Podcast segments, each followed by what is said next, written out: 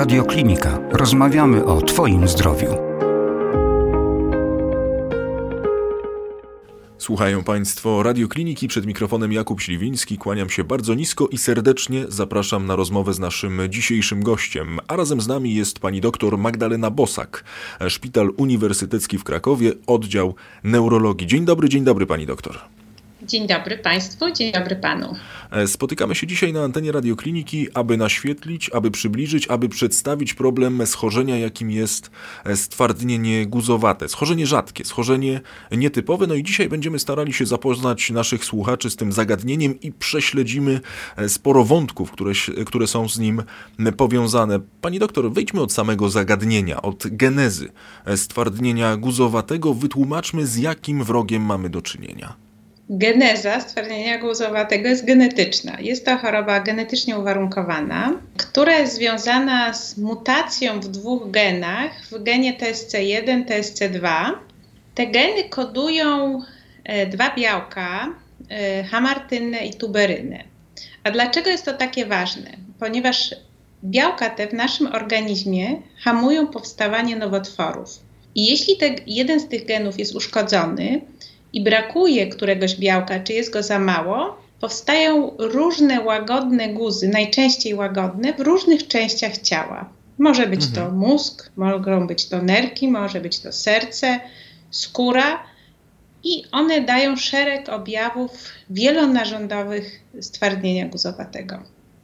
Rozumiem. Pani doktor, my już za chwilę sobie e, przejdziemy przez to, jak wygląda życie z tą chorobą. Przejdziemy sobie także przez te uwarunkowania genetyczne, o których, o których pani wspomniała, ale ja mam wrażenie, że ta choroba, że to schorzenie jest, przepraszam za wyrażenie, ale że jest ono stosunkowo świeże, że jednak e, te badania prowadzone nad e, stwardnieniem guzowatym, że one są, no nie powiem, że, że nie tak dawno się zaczęły, ale chyba rzeczywiście, rzeczywiście tak to wygląda, że nie jest to obszar tak dobrze, tak dobrze znany, no i między innymi także i dzisiaj z tego tytułu spotykamy spotykamy się na antenie radiokliniki.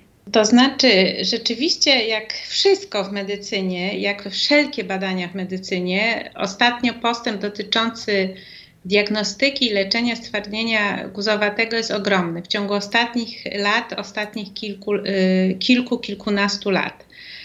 Y, myślę, że jest to związane przede wszystkim z rozwojem różnych technik komputerowych, które wspomagają nas w diagnostyce neuroobrazowej i w diagnostyce genetycznej. E, natomiast e, nie jest to choroba znana od niedawna. To jest mhm. choroba znana już od e, końca XIX wieku. Wtedy została opisana mm, przez lekarzy, czyli to jest 140 lat mniej więcej, bo był to mniej więcej 1880 rok, kiedy została opisana. Czyli choroba znana od dawna, mhm. natomiast zrozumiana od niedawna. No właśnie, zrozumiana od niedawna. Pani doktor, jak rzadka jest to choroba, jak rzadkie jest to schorzenie? Myślę tutaj zarówno o aspekcie globalnym, jak i o tym, co przede wszystkim dzieje się, dzieje się w naszym kraju, jak to wygląda, jeżeli chodzi o liczby, jeżeli chodzi o statystyki. Ja bym powiedziała y, troszeczkę inaczej, jak często jest to choroba. Mhm. Teoretycznie jest to choroba rzadka. I rzeczywiście u dorosłych to jest 1 na 10 tysięcy, u dzieci to jest 1 na 6 tysięcy ale to są tylko te przypadki, które mamy zdiagnozowane. Myślę, że wielokrotnie więcej przypadków jest niezdiagnozowanych z różnych powodów. Albo objawy są na tyle nienasilone, że pacjent nie jest zdiagnozowany w tym kierunku, albo brak jest po prostu dostępności do różnych testów, przede wszystkim testów genetycznych, bo rzeczywiście tutaj postęp w diagnostyce genetycznej y, stwardnienia guzowatego to są y, ostatnie lata. Y, chciałabym jeszcze zwrócić uwagę na to, że choroba genetyczna to nie mhm. znaczy dziedziczna. Bo to, to się nam zawsze tak kojarzy. A choroba tak. genetycznie uwarunkowana, czyli odziedziczyłem ją po rodzicach. Nie. Oczywiście jedna trzecia przypadków stwardnienia guzowatego są to przypadki dziedziczne, które dziedziczy się od jednego lub od drugiego rodzica. Natomiast dwie trzecie przypadków to są tak zwane przypadki sporadyczne, w których do mutacji, do nieprawidłowości genu dochodzi u konkretnego osobnika, czyli na wczesnym etapie rozwoju prenatalnego dziecka. Czyli w większości ona nie jest, nie jest odziedziczona po rodzicach. Mhm. To jest mhm. bardzo ważne.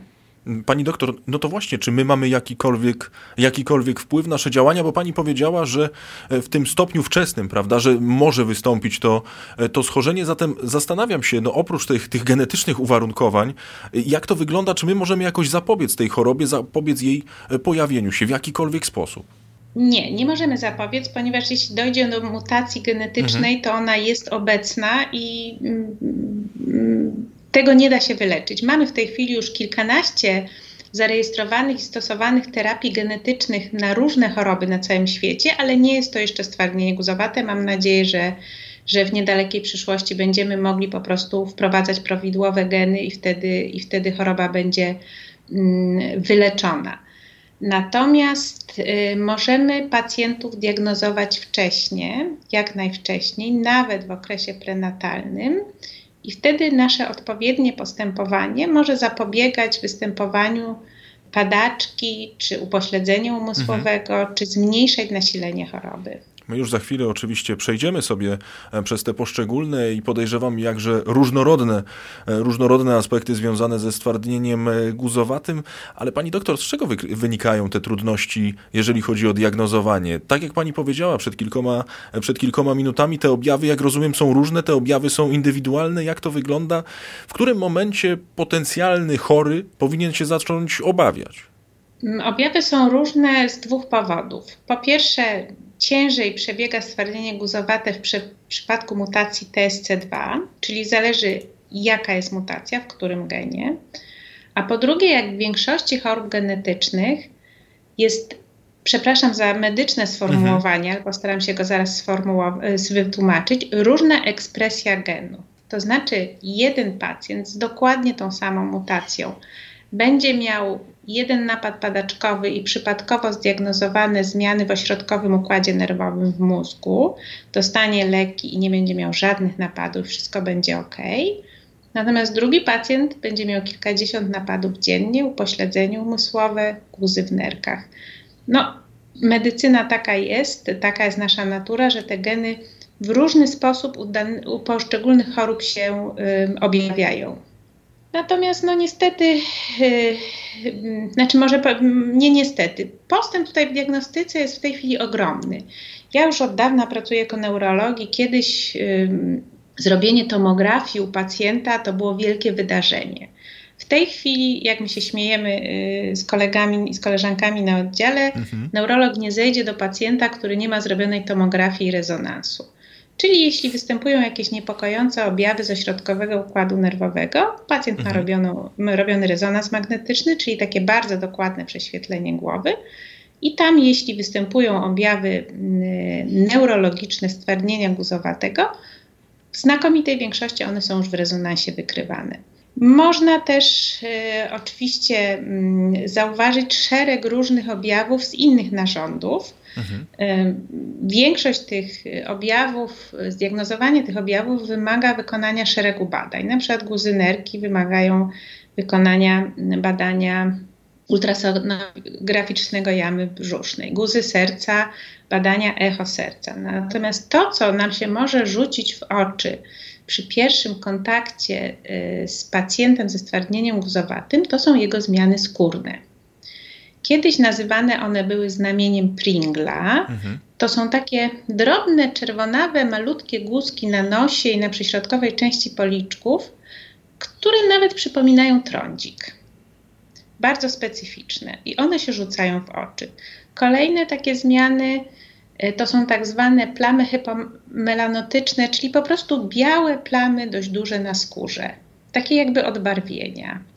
Mogą być też y, głuski takie okołopaznokciowe, mogą być zmiany na mm, włókniaczki na szyi, drobne takie głuski, czyli coś, co może być traktowane jako defekt urody, a jest to po prostu jeden z objawów stwardnienia guzowatego. To jest coś, co jakby jak wchodzi pacjent, to możemy zauważyć na pierwszy rzut oka.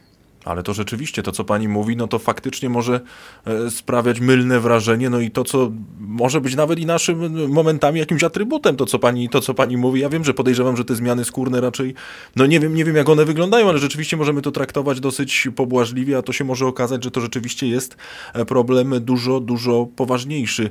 Pani doktor, a pacjent... Przepraszam, mhm. że przerwę, ale nie chciałabym, żeby wszystkie młode dziewczyny, które mają trądzik, podejrzewały u siebie stwardnienie guzowate i się denerwowały i młodzi chłopcy.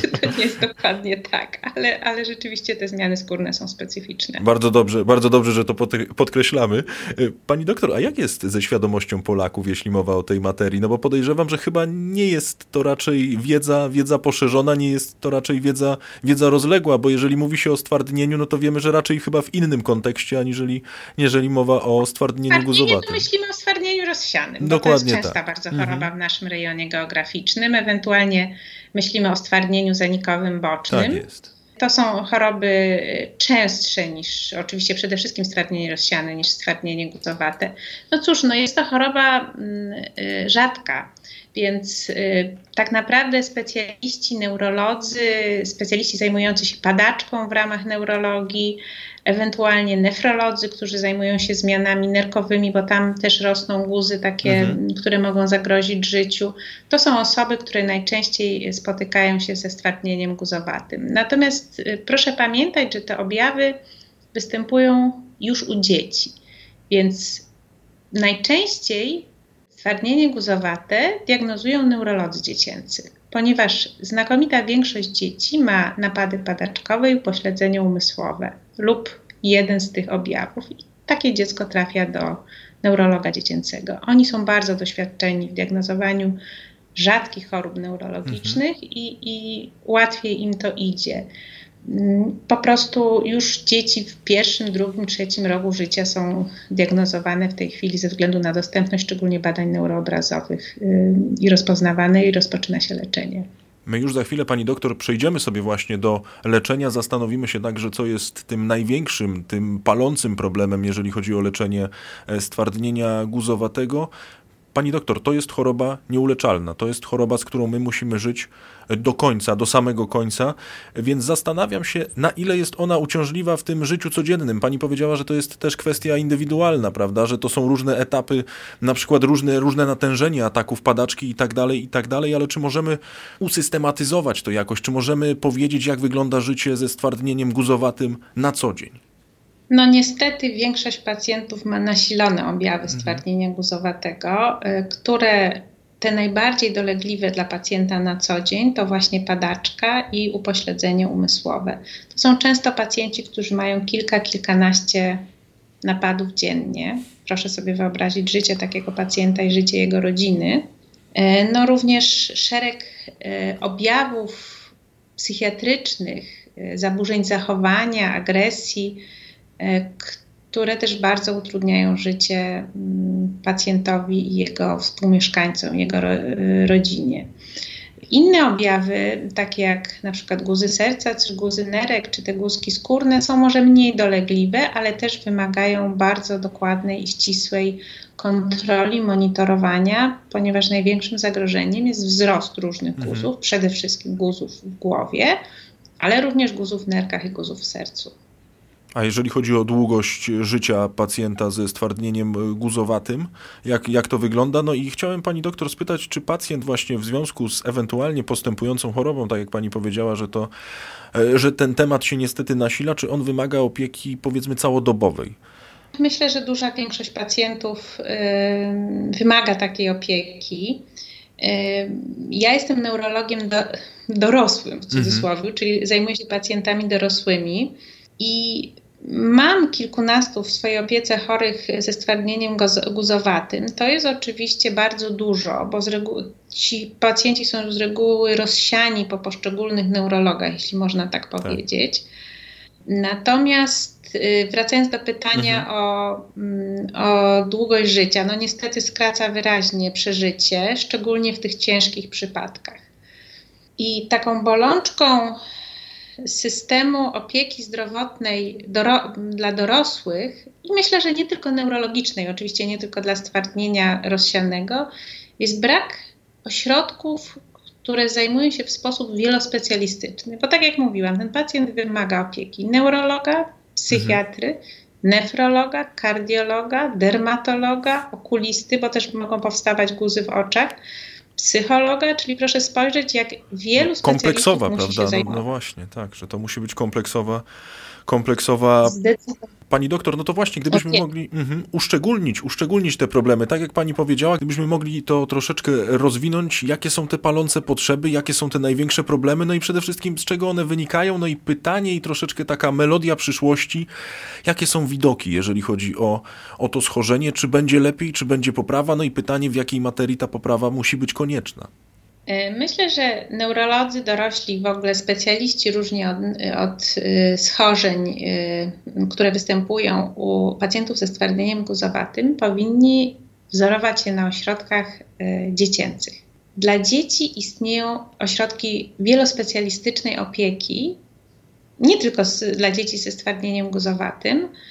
W dużych ośrodkach uniwersyteckich czy w dużych, w dużych miastach, na przykład jeśli chodzi o stwardnienie guzowate, to takim absolutnie wiodącym ośrodkiem w Polsce, ale jednym również z wiodących ośrodków na świecie jest Centrum Zdrowia Dziecka. Tam y, na klinice neurologii bardzo tak szczegółowo i pod kątem opieki i terapii i diagnozy, ale również badań naukowych zajmuje się tym zespół pani profesor Katarzyny Kotulskiej-Jóźwiak, a wcześniej zespół pana profesora Sergiusza Jóźwiaka. To jest ośrodek naprawdę znakomity i co ważniejsze, dokonał on ostatnio fantastycznych odkryć, które mhm niosą wiele nadziei dla pacjentów ze stwardnieniem guzowatym, ponieważ okazuje się, że wczesne leczenie pacjentów na takim etapie jeszcze bezobjawowym może zahamować postęp choroby. I myślę, że to jest ogromny sukces naszych polskich lekarzy i naukowców. No i to jest rzeczywiście taka odrobina, nawet, nawet nie powiem, że odrobina, ale bardzo duża dawka optymizmu, e, jeżeli mowa o tym schorzeniu. Pani doktor, a jak to się ma wszystko na linii stwardnienie guzowate a koronawirus? Czy wiadomo, żyjemy w czasach niespokojnych, żyjemy w czasach niebezpiecznych? Czy to także może być traktowane jako ta choroba współistniejąca, o której e, tak głośno ostatnimi czasy? Jak to wygląda? Każda choroba jest chorobą współistniejącą.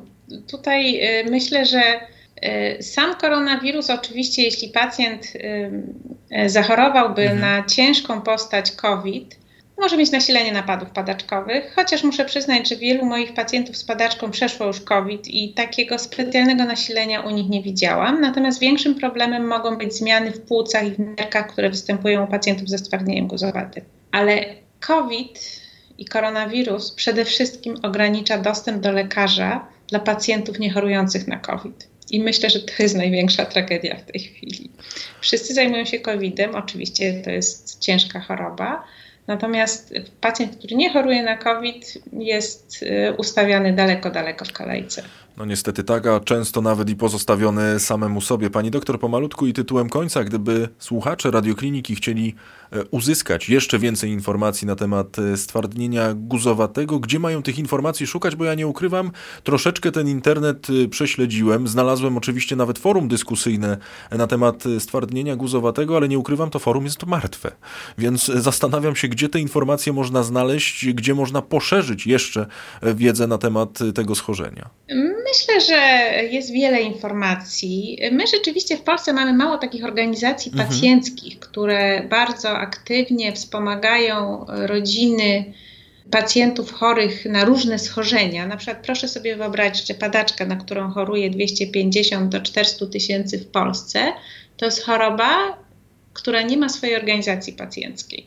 Także tu jest bardzo ważne, żeby osoby, szczególnie z, które mają w rodzinie takie rzadkie choroby, spotykały się w sieci. Teraz dzięki mediom społecznościowym jest to bardzo łatwe i budowały sieć kontaktów, sieć informacji, do jakiego lekarza należy się zgłosić, gdzie łatwiej jest wykonać jakieś badanie, jakie leki można e, stosować, gdzie są jakieś programy lekowe.